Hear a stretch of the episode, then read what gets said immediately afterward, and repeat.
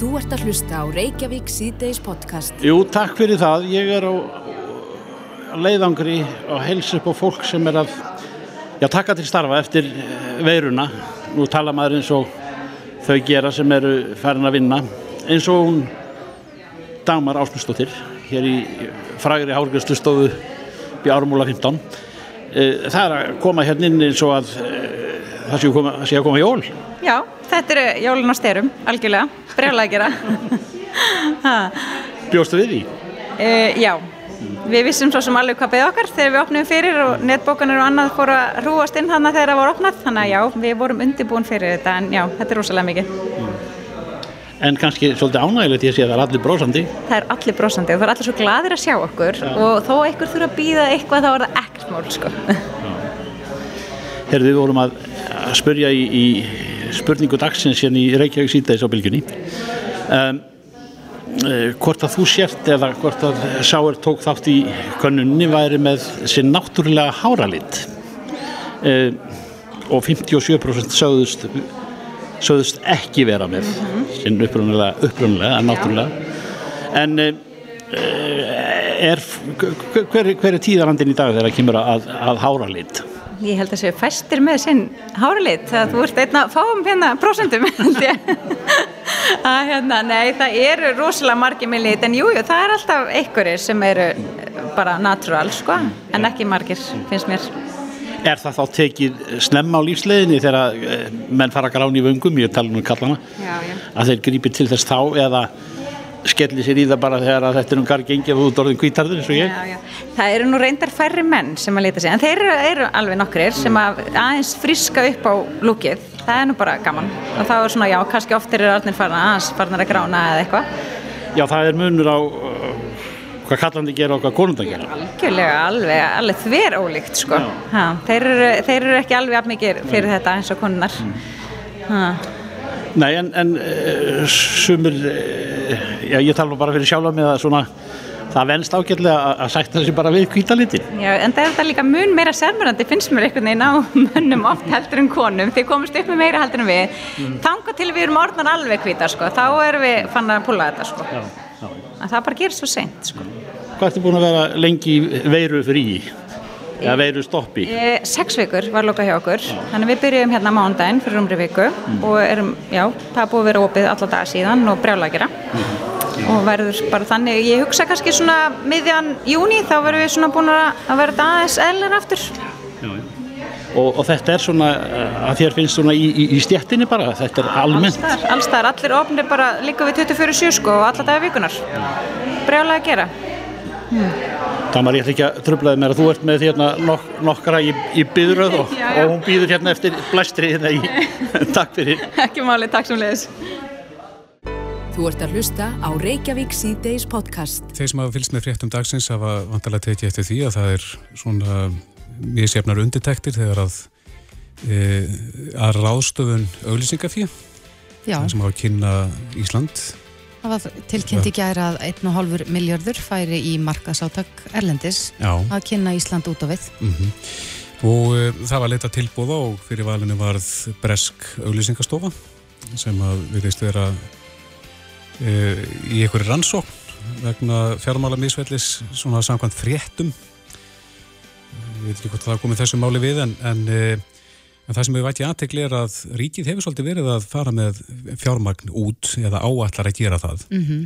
Það var líka talað um um daginn þegar að átt að hvetja Íslandinga til þess að ferðast innanlands mm -hmm. að eh, meir hluti af, af þeim peningu sem var, var í auglýsingar var í erlenda samfélagsmiðla, Google, Facebook og annað slikt. Já, svona sama tíma og menn er að tala um að það er að velja íslenskt mm -hmm. og þá fara menn þessa leið.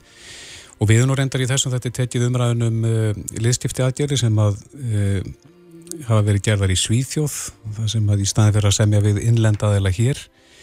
En það er þessi meðferð á opinbyrju fjö. Sigmundur Davík Gunnlaugsson, formaðið miðflóksins og nefndamaður í efnags og viðskiptanemnd Þingsins er á línunni, kom til sæl.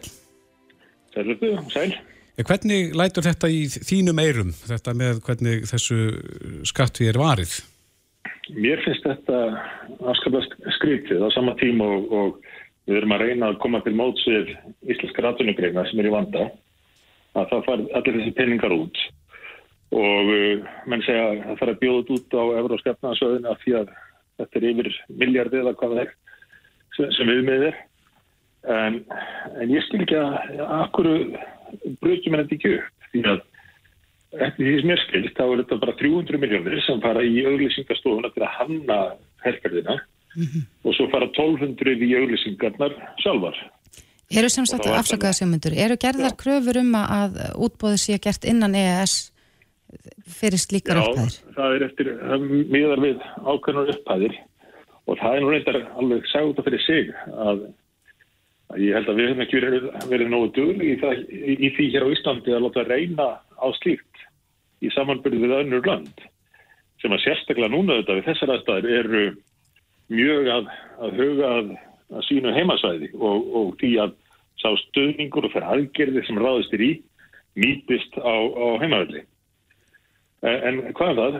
Þetta er sett allt saman í eitt pakka, 1,5 miljardar og þannig farið við yfir einhver mörg og þá segja við við þurfum bara að bjóða þetta út á, á Európska efnarsvæðinu og ég er ekki vissum að það sé skynsamlegt fyrir utan að það er bara afleitt fyrir íslenskt auðlýsingafólk og markaðsfólk að verða af þessu tækifæri. E, reynsla mín af, af íslensku markaðsfólki er svo að að það sé ekki síður sniðugt en, en það breska til dæmis. Horfum að stundum á brestjónvarp og þessin er flestar algjörlega glataðar en hér, hér sér maður margt sniðugt og ég held að hefði verið alveg kjörið að, að setja þessar aðgerðir í samingi við markmiðin um að koma til móts við skapandi greinar á Íslandi og, og gefa íslenskum auðlýsingastofum uh, meira tækifæri. Mm -hmm. En hvað þá með fjármunna sem er um, eins og við töluðum um hérna áðan þegar þetta hvetja okkur til þess að ferðast innanlands og, og miklum fjármunum var eitt í þessa erlendu samfélagsmiðla í staðin fyrir íslensku fjölmiðlana. Hefur skoðun á því?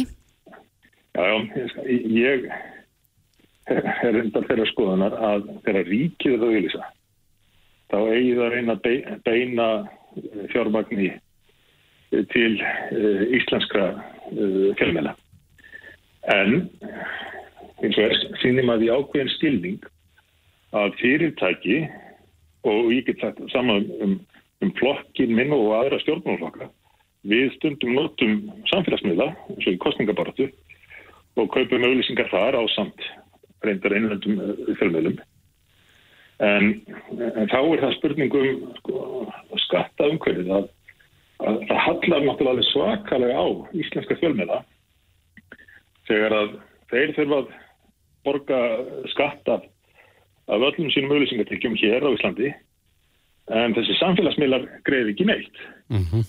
Og það, það er bara áminningu mikilvæg að jafna þessa stöðu og þess vegna höfum við í þessum fjölmennamálum vilja fara miklu frekar þá leið að að jafna stöðu skattalega, jafna stöðuna gagvart risanum á auðvisingamarkaði í ríkisúttarpinu eh, frekur en að vera með einhverja beina árlega ríkis styrki það sem að ráð þar í að velur þessi fjölmjöld fær þetta og hinn fær þetta. Mm -hmm.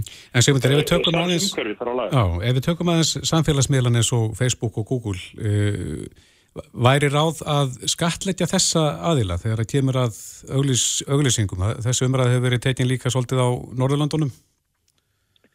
Já, ég, ég held að það sé alveg nöðsynlegt og, og mennur byrjar að fikra sig áfram með þetta eins og í Ástralíunum það Ástralir eru að fara að leggja skatt á þessi fyrirtæki, uh, samfélagsmiðla fyrirtæki út á auðlýsingatekjur fyrra í, í, sem beinast af Ástralum. Og mér finnst það í, raunin bara algjörlega sjálfsagt mál.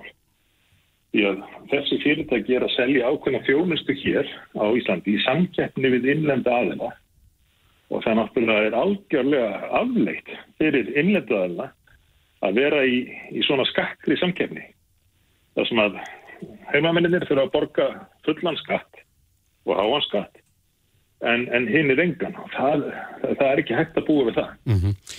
En talandum uh, meðferð á ofnbyrju fyrir á skattfíu uh, að því að við erum að tala hérna um uh, þennan samning við auðlýsingastofuna Bresku uh, það var nú svolítið verið rætt um í gegnum tíðina þessa ferðir liðstífti aðgjörði sem eru framkvæmdar í Svíþjóð sem er verið að, að fara með fjár, fjármagn úr landi og, og vestla við þá e, sænskar stofur, læknastofur e, finnst þér þetta svipuðu með því?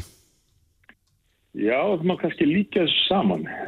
Vandin sem að byrtist í þessu öllu er að það er mikil træða til þess hjá kerfinu á Íslandi og sjálfsagt tíðar að líta á heldar áhrifin af ákvörðunum. Þannig að menn takk ekki með í reikningin að, að það sem að ríkið setur í að, að borga fyrir ákvörðuna bjónustu hér að skila sér megnunum til afturinn í samfélagið.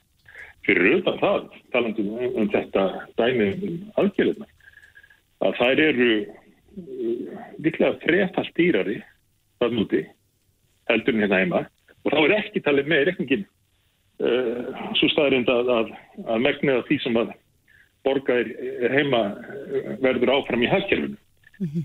En, en þetta verðist vera held í afleðing af annars verður þess að mann líti ekki á heldarmyndina og, og því miður af pólitískum rótum runnið að allt í að þetta eru enga fyrirtæki, svo hverju, það er að segja fyrirtæki sem er ekki undir beitni stjórn ríkisins, þó þú sé að taka við ríkis auðvitað greiðslum að þá þykir mönnum sumum hverjum þægilegur að þetta gerist í útlöndum þannig eins og, eins og þetta sé einhverja vafa samt aðferðli að sé hægt að loka augunum fyrir því að það gerist í útlöndum en megi alls ekki gerast hér heima. Og þannig bara horfum við fram á það að nákvæmlega samskonar helbriði stofnarnir og fyrirtæki í Svíþjóð og Íslandi að þeim er mismunat mm -hmm. uh, miklu gera fyrir ríkið.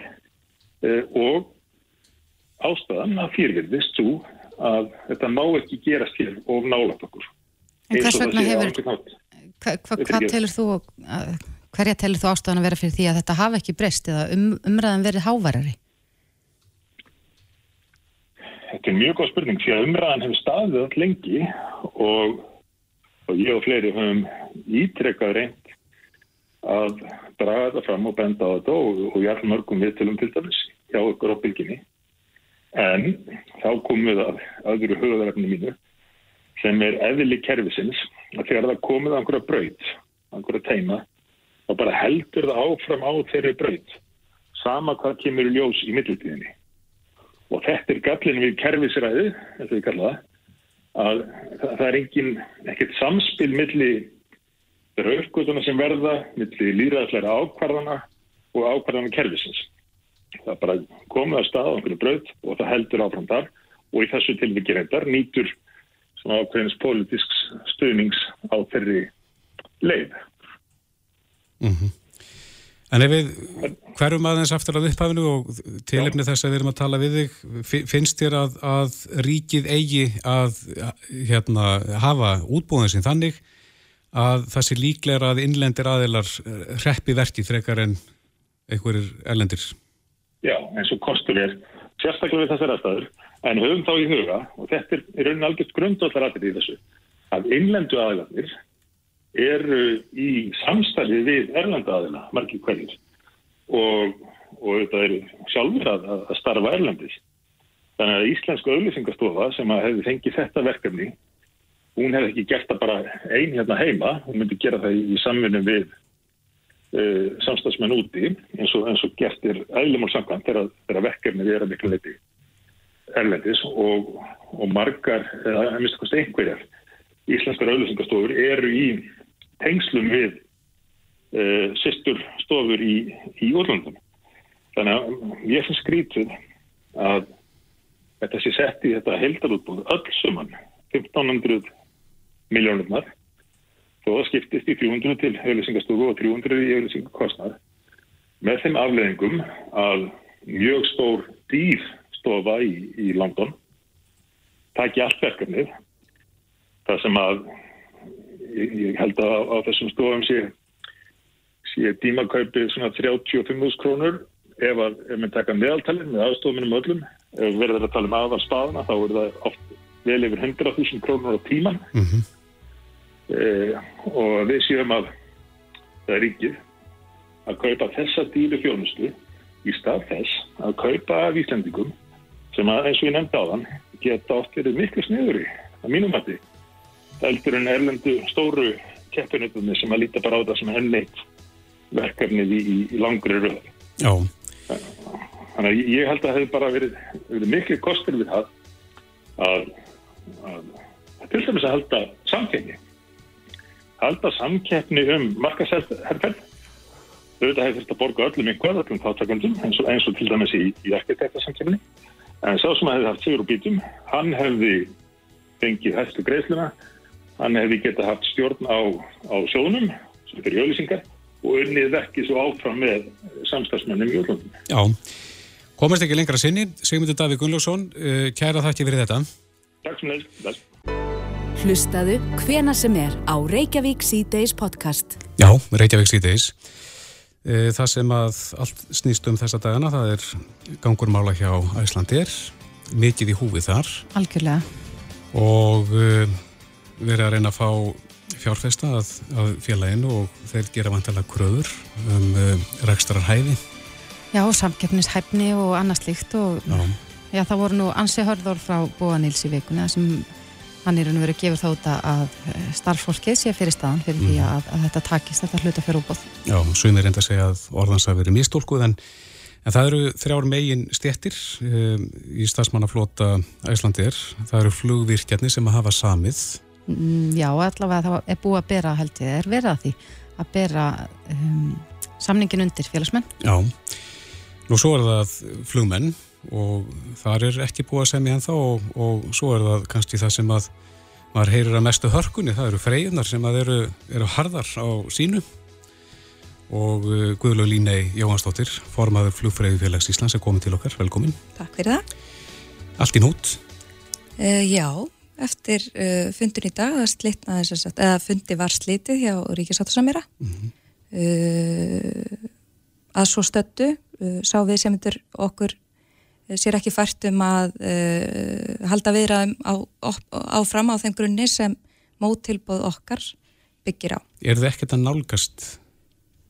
Uh, nei, það er uh, held ég óhætt að segja það sem sagt við kynntum fyrir okkar félagsmönnum í gær það tilbúð sem Æslandir lagði á borðið stjórn og samninganemnd var í rauninni ekki búin að samþykja þetta tilbúð en enga síðum örðu við þeirri ósk að, að byrjaði undir félagsmenn það er einhugur í félagsmönnum að, að þessu útspili er í rauninni hafnað sem við gerðum formulega á fundi hjá Ríkisatta sem er ekki er. Mm Að hverju snýr þetta helst? Er þetta launaliðurinn eða kvíldar ákvæði eða annað? Já, þetta er bæði í þessu útspili er sagt launafrost hjá okkur. Við erum búin að vera með lausasamninga frá 1. janúar 2019. Uh, í þessu um, pakka áttu fyrstu launahekkurinn að að vera í oktober 2023. Ásamt því að, að gera miklar breytingar á kvildar og vaktíma ákvæðum kjærasamnings sem hefur verið í rauninni barist fyrir eh, síðustu ára tvíina ásamt því að óska eftir meira vinnuframlæði fyrir sömulaun. Já. En það hefur svolítið verið talað um hérna viðmiðuna flugfélug. Uh, við rættum þetta við flugmenn hérna um daginn og þessi að það sé ósangjönd að, að bera sama flugmenn hjá Æslandir við flugmenn hjá lágfarkjaldaflugfélugum. Hvernig er þetta með ykkur? Hvar, hvar standið þið svona í samaburði við önnur flugfélug? já það er óhætt að segja að uh, kvildar og vaktíma ákvæðin sem er í okkar kjærasamlingi sem hefur verið barist fyrir uh, er uh, þannig að, að við megum vera stolt að því en það eru við þannig þjóðfélagi við viljum hugsa vel um heilsuna og, og uh, hins vegar eru samanburðar flugfélög eða flugfélög sem eru í til dæmis í Evrópu öll með eh, slíka ákvæði í sínum kjærasamningum auðvitað ó, ólíkt þó. Uh, en já, við, við búum vel að þessum kapla og erum bara stolt af hennum og, og það er eitthvað sem við teljum að segja það dýrmætt að við hættum ekki við slíkan kapla á einu bretti. Er þetta eitt af því sem að þið svona standið hvað fastast vörðum í uh, þessum viðræðum núna? Í, þeir, í því tilbóði eh, sem við lögum fram þá erum við auðvitað tilbúin að gera ímislegt í því ástandi sem ríkir. Mm -hmm. bæði til að, til að skemmri tíma koma til móts við félagið að, fólk taki jafnvel auka vinnu fyrir sumulaun í ákveðin tíma og einni eru við að huga hagræðingu á ákveðnum atriðum sem myndi gera félaginu til dæmis kleift að fljúa jafnvel lengra Já, ég held að, að það sé óætt að segja að það er komið svona aukin harka í þetta. Ég hef séð á já, fjölmörgum miðlum að flugfröður sem að hafa ávalt staðið með sínu félagi eru ja, ekki sáttar eða sátt um, við já, framferðið félagsins. Hvernig er hljóðið í félagsmennum núna? Já, það má segja að í gegnum tíðina þá standa akkurat flugfröður og flugþjónar uh, rosalega uh, hvað ég segja, standa þjætt á bakvið félagið við, hérna, þetta er félagið okkar og, mm -hmm. og þess vegna er okkur ekki sama uh, fólk er, það er rosalega einhugur, ég held að ég geti uh, bara sagt að samstæðan er uh, gríðarlega mikil og fólk er ósátt við það að, að, hérna, að það er í rauninni að lækka laun til, til frambúðar kannski í ljósi þess ástand sem ríkir og í stöðu félagsins Já En við höfum líka séð á samfélagsmýrunum að, að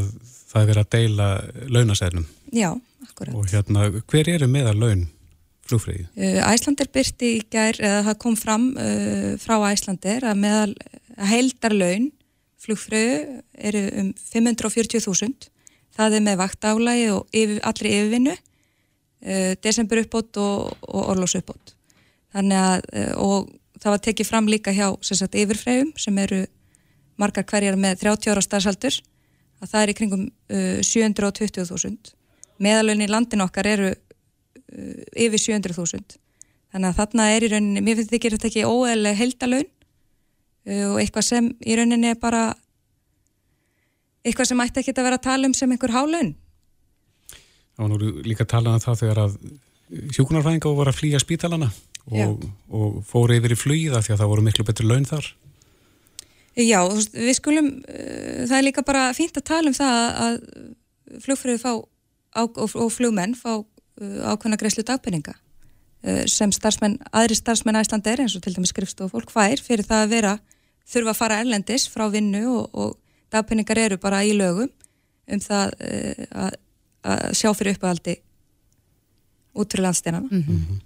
En já, það var kannski verðt að minnast á það að, að, að þessi dagpenningar telja ekki til lífeyrisréttinda neitt slíkt? Telja ekki til lífeyrisréttinda og til dæmis bara ef að þú uh, ferði í veikindi eða fæðingarlof þá kemur þetta ekki til. Þannig ef þú handlisbrotnar og getur ekki verið í vinnu í átta vikur þá farði í rauninni uh, svo kallur strípuð laun. Mm -hmm. Þannig að það er varasamt að þetta er að sjálfsögur ástöðunatekjur en þetta er ekki laun. Nei. Félagið er í viðkvæmri stöðu núna. Hvernig metur þú svona framhaldið? Uh, við erum með ríkan samningsvilja þetta er, jú, félagið okkar og ég tala held ég fyrir hönd allra flugfræða þó að það séu uh, reyðar núna að við viljum allt fyrir þetta félag gera. Við erum til í að gangast uh, til samninga sem eru bæði, sem eru bæði góðir fyrir félagið og, og auðvitað stéttina. Þannig að maður veit ekki hvert framhaldið er en, en við erum bara tilbúin. Er búið að bóða annan fund í þessum þessar viðræðum? Nei, það hefur ekki verið bóðið til annars fundar og, en eins og ég segi þá bara ef við erum bóðið þá bara mætu við. Þýðir það að það sé ekki búið bóð annar fund uh, er það til merkis um það hvað hérna, allt er í miklu nút? Já, það þýðir í rauninni að, að við semdur sáu sér ekki fært um að ræða áfram að þessum grundvelli sem við lögum fram mm -hmm. að svo stöldu hvort það getur breyst, það var í dásamlegt Við lístum afstöðu félagsmanna, við leitum eftir afstöðinu og hún er kýrskýr að það sem var á borðinu frá þeirra, uh, þeirra hlið er ekki í bóði. En hvað er þá, hvert er verkefni ykkar núna? Hvað, hvaða heimaverkefni er þið með frá ríkisáta sem er? Þið að hugsa málið og... Já, auðvitað, bara maður er að leita leiða, er eitthvað sem maður getur uh, gert, hugsa át fyrir kassan, ég menna það er bara... Ég, öllum holdt og, og, og við erum eins og segja með ríkan samningsvilja og viljum auðvitað komast í gegnum þetta og, og að félagið okkar komið sem best út úr þessu. Mm -hmm. Ef að, það nást engi samningar og þetta, maður veit ekki hvert framtíðin mun leiða Æslandir, heldur það sé einhverja líkur af því að Æslandir muni ráða til sín erlend vinnuafli í stað ykkar sem að sinna þessum störum núna? Já, nú ert að opna eitthvað Pandora box en hérna, já, það er uh, ákveðin skilirði sem hérna, segir að okkar félagsmenn uh, hafi forgang til starfa mm -hmm. uh, þetta hefur verið reynd að koma á erlendu vinnuafli hingað á þá öðrum kjörum. Við skulum bara vona að enginn hafa áhuga á slíku vinnubröðum á íslenskum vinnumarkaði. Við þurfum að standa vörðum okkur sjálf og, og, og viðhalda því samfélagi sem við búum í í dag. Já, Guðlaug Línei Jóhansdóttir, formaður Flugfæri félags Íslands. Takk fyrir komuna. Takk fyrir mig. Takk. Þetta er Reykjavík C-Days podcast.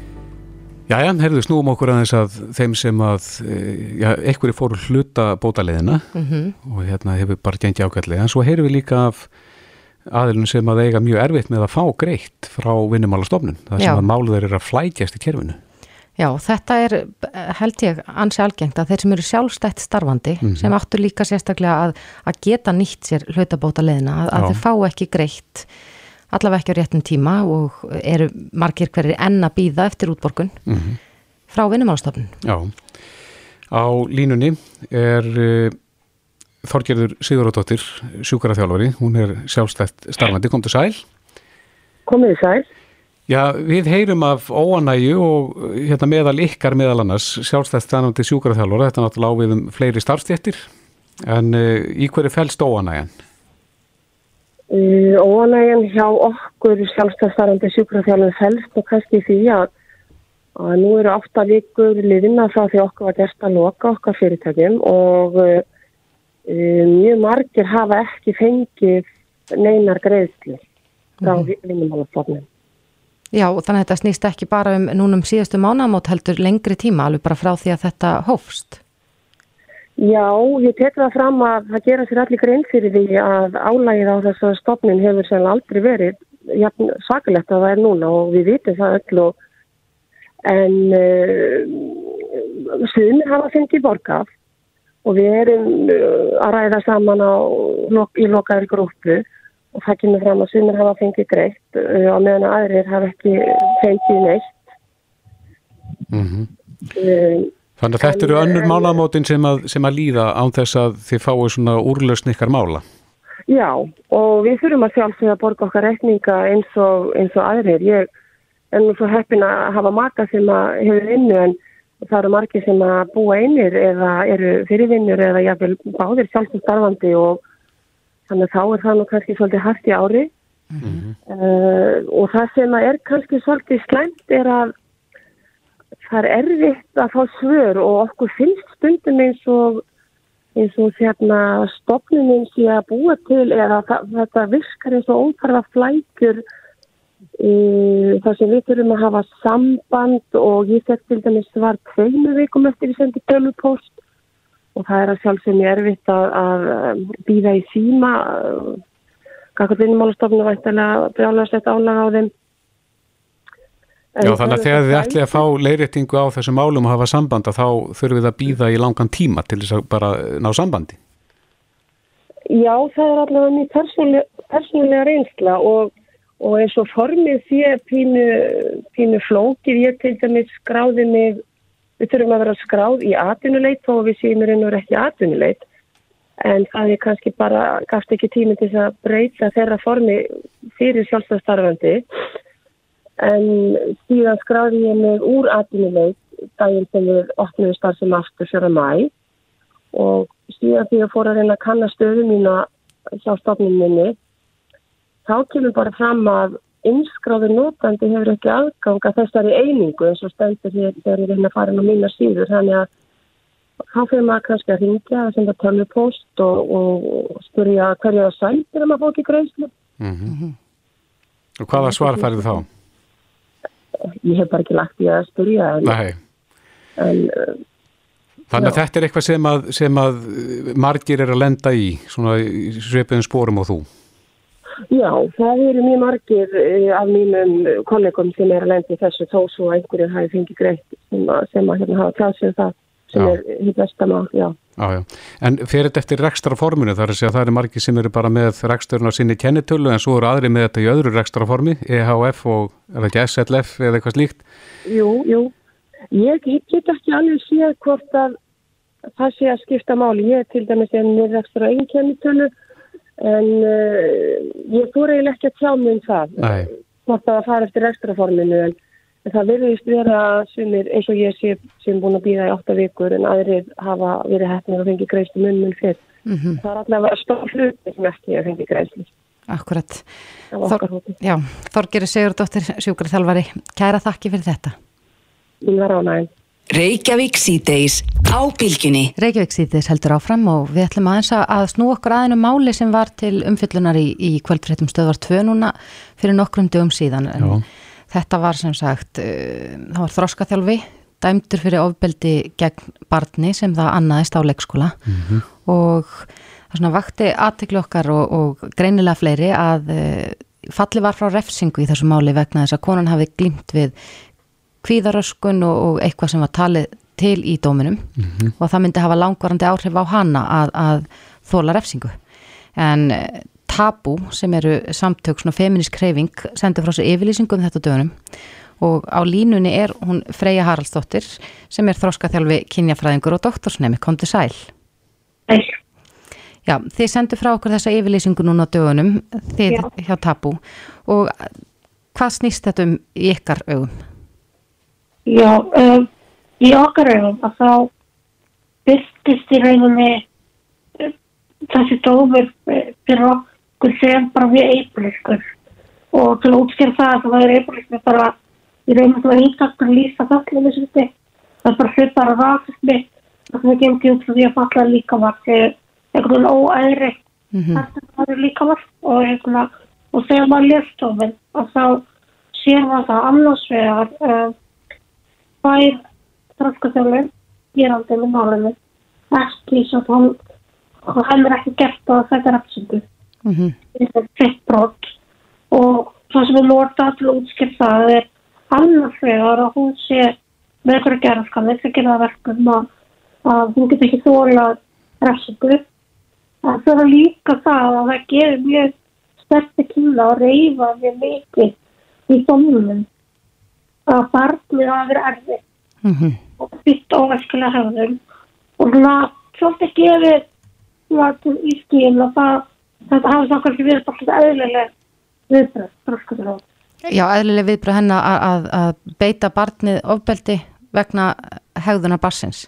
Já, vegna hefða batsins og eitthvað svona hefðar vandamála og ég ætla að það er alltaf ljótt bara í okkar fyrir að í fyrsta lagi ber þá maður ábyrð á bara að finna hilsu og því að geta hvort hann sé starfhæfur eða ekki. Hann getur ekki það ábyrð þá er þetta eftir leikskólinn að gera það og sveita til þess að vera eitthvað leikskóla.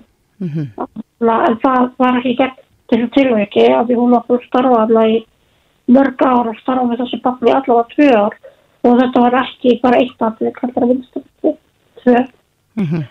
og hérna og já og það sem var kannski já er bara ótrúlega sérstakt er að einhvern þarf að ábyrgð á því sem gerðist.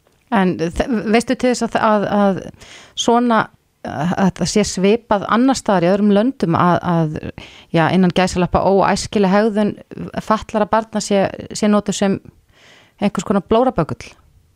Já, við höfum alveg séð það uh, ítrekkast í alls konar aðgerðum og dóma fram hvað til dæmis bara bandaríkjum Breitlandi þar sem að hérna, þetta börn eru í raun þeirra kettum þá ábyrði sem það verða fyrir uh, bæði þegar að það verður gerendur að vera fæðala og fórættar og við erum alveg með eh, sko mörg dæmi það að að jafnvel hafa þetta byrja breytin Mm -hmm.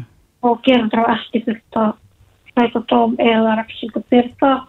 Þá er það útskipt með því að það afsaka með því að það sé alltaf svo erfitt að hugsa um þessu svona. Og það sem er bara svo ótrúlega sláandi í íslensku samfélagi sem að það nú fyrir og mjög svona framalega í jafnbryttsmálum og, og, og, og við áðbættu sem ræða þegar verið mikið hér og örgulega meira en víða og við gaggrunum við harkalega þegar að hérna bara þólendur eru og þá þólendur skammaður en í þessu í þessu máli að þá fyrir það svona og það heyrist við lítið frá samfélaginu. Það, ég heyr ekki við samtökum sem vendar ekki til bakla ég heyr ekki til þeimulskum þeim það er þetta alveg gráð alveg þú alltaf vikur óta hjá okkur sem að við verið fætt að börn og erum fætt að manneskjur.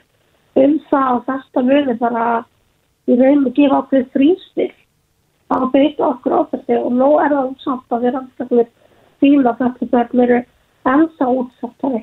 Fyrir það er ofbeldi en ófæsli bara sérstaklega börn með þróskahöflun sem að þessi tiltak með brótafóli er. En hva, hverju kallið þið eftir þið hjá Tabu? Já, við kallum eftir því fyrst og fremst að þessi þróska þegar að missi sín starfsækjandi. Um, það að hún hefur farið eftir að þessi leikull saman og byrja að vinna á öðrum leikskóla sínir bara mjög vel að hún er ekki hægt til þess að halda sínum starfsækjandum. Um, við erum líka mjög hissa á því að ríksaksa verðskulega og láti málum við falla þegar fóröldra fóru fram áfrýjum og við vildum vilja sjá það tekið til öndskóla svo auðvitað vildum við vilja sjá bara óháðar ansökla á þessum leikskóla sem að barnið uh, var á af því að umvöldnaður brotaðan fari verklegi og ég veit ekki segja að það er tekið faglega á þessu í þessum ofbeltsferðli sem að þessu starfmaður var í einu leikskólan uh, og þetta myndum við líka vilja sjá bara að kópavóttær uh, axla ábyrg á þessu aftöki sko ofinberlega uh, við brotafála aftökulega og byrjum hann en sín okkur líka hvernig þau að tryggja það að þetta endur tækja sér ekki. Við verðum eitthvað með að fá staðfestingu á því. Já, Freyja Haraldsdóttir, við fylgjast með þessu máli áfram en kæra þakki fyrir þetta. Já, takk fyrir. Reykjavík síðdeis á Bilginni podcast. Það er heilmikið lumrað núna um uh, eitt stærsta fyrirtæki landsins, Æsland er og uh, mér finnst svona fólk skiptast í tvo hópa þegar það kemur að umræðum þetta félag. Annar hópurinn segir að það er bara að láta félagi rúlla, byrja upp á nýtt með reynd borð og svo er það hinn sem að benda á að það sé ekki létt mál að láta svona stórt fyrirtæki fara á hausinn. Mm Marga skuldbindingar og, og svona ímislega sem að fylgir því en, en okkur leikur forvægtin að vita eh, með þannig að gjörning þar að segja þegar að fyrirtæki fer á höfuðið -hmm. eh, hvað gerist og er það endilega físilegu kostur? Akkurat. Já, ég held nú að það veri líka verið að tala um í þessari umræðu svona flugurekstra leifi Æslandir og annað slíkt en, en yfir höfuð þegar að fyrirtæki fara á hausinn, Mhm. hvað gerist þá? Já, Giljum Magnússon, fyrirvændi viðskiptar á þeirra og dósent í, við viðskiptafræði til Háskóla Íslands er á línu, kom til sæl. Jú, blessuð. Já, þetta er ekki léttvæg aðgerð og menn er kannski ekki að tala um þetta svona í hálfkæringi að, að láta svona stórt fyrirtæki fara á höfuðið. Nei, það er, er auðvitað mjög dramatískur atbyrður, sérstaklega þegar svona stór fyrirtæki með mikinn rekstur farið þrótt en, en sko ef fyrirtæki verður gjaldróta þá, þá hættir það að vera til, það hættir starfsemið og hættir að greiða reikninga en eftir sittur þrótabú sem einhver skiptar aðandi stjórnar og, og hann getur nú reynda, að selja reksturinn eða, eða hefja hann aftur með einhverjum hætti Mm -hmm. En það er alveg víst að, að það er því mjög snúið því að allir samningar, ráðningar, samningar og samningar um flugvilarlefi og lendingarlefi og flugreistralefi og svo framvegist það allt saman er í. Já, Þannig að, að það er mjög erfitt að endurræsa flugfélag sem hefur beinlínu sorði kjaldröð. en nú höfum við til dæmis séð eins og í tilfelli Váer að aðilar koma að borðinu og kaupa þá vörumerkið og, og ætla að endur þess að Váer undir ykkurum öðrum flöggum. Væri það þá líka hægt eins og í tilfelli, tilfelli Æslandir? Já, já, það er einlega fyrir skiptarðanda að búa til pening úr regnunum, það er að, að selja hluti eins og vörumerki og, og, og svona einhver tölvukerfi og annað sem að hægt er að nýta í að, að hefja rekstur undir nýri kennitölu. Mm -hmm. En, en það er samt snúið, það tekur marga mánuð að fá flugrestrarleifum og annað. Og þetta að leia flugvilar og allt það sem það er að gera til þess að vera með restrarhægt flugfélagi. Já, En, það er alltaf einhverjir, til, það er reyndar líka til aðra leiðir ef að félag er að fara í þrótt á ánætt að fara í annað en gjaldrótt eins og til dæmis bara nauðasamninga eða einhver önnur afbrið eða fjárhalsleiri endurskipulegningu sem að kallar kannski ekki á það að, að alls svona rekstra leiðir og samningar raknu. mm en eh, veldur það meira tjóni fyrir þá kröfu hafa og aðra slíkt sem að, að, að fyrirtæki fari á hausinn í gjaldrótt? Já, það er, er ansi hætti því allavega það myndur hluta var tapa öllu og, og næruruglega aðri kröfu hafa líka verulegum penningum þar að vísu fyrir eftir stöðu þeirra eins og til dæmis þeir sem hafa eiga flugvílar og hafa leikt þær, þeir eru vantalega að leysa þær bara til sín. Mm -hmm. Þeir sem eiga einhverja aðra kröfur sem er ekki neinn uh, veð fyrir þeir getur tapað með hlut. Og svo er þetta þjóðastegt tap vegna þess að, að sko starfseimin er mjög mikilvæg fyrir uh, haggerfið og náttúrulega þá sem eru til dæmis að þjónusta ferðamenn þegar það þarf einhver að flytja þá ferðamenn til landsins þannig að það er því mikið óbeint tjón sem er ekki bara fjall ekki bara á kröfu að hafa flugfélagsins heldur ymsa aðra ríkisjóð og einhverja aðra. Þó að það kæmi aðrir aðilega sem myndi þá bara taka við boltanum? Já, það myndi nú svona lámarka tjónið að, að vantalega myndi einhver hefja rekstur á nýju eða, eða fara inn á þennan marka með einhverjum hætti en það gerist ekki strax, það tekur einhvern tíma.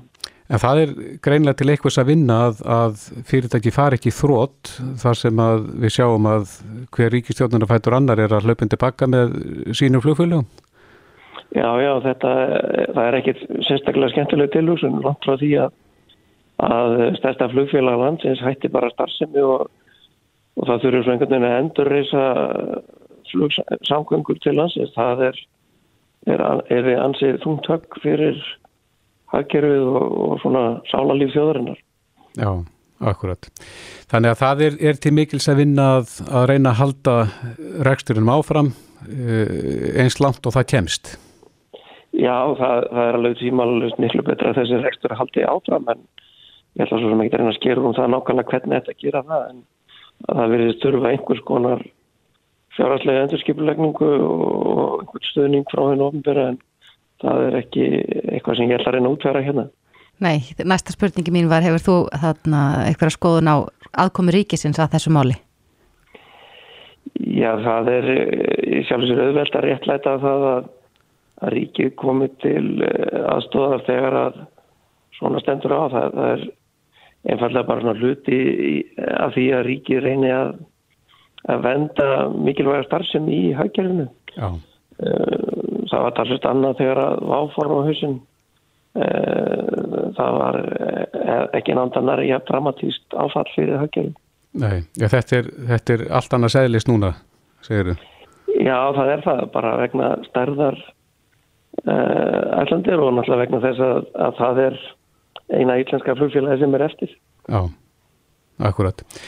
Kilvið Magnússon, dósent við viðskiptafræði til Háskóla Íslands fyrir randi viðskiptar á þeirra. Kæra þætti fyrir þetta. Jú, takk ykkur. Þetta er Reykjavík C-Days podcast.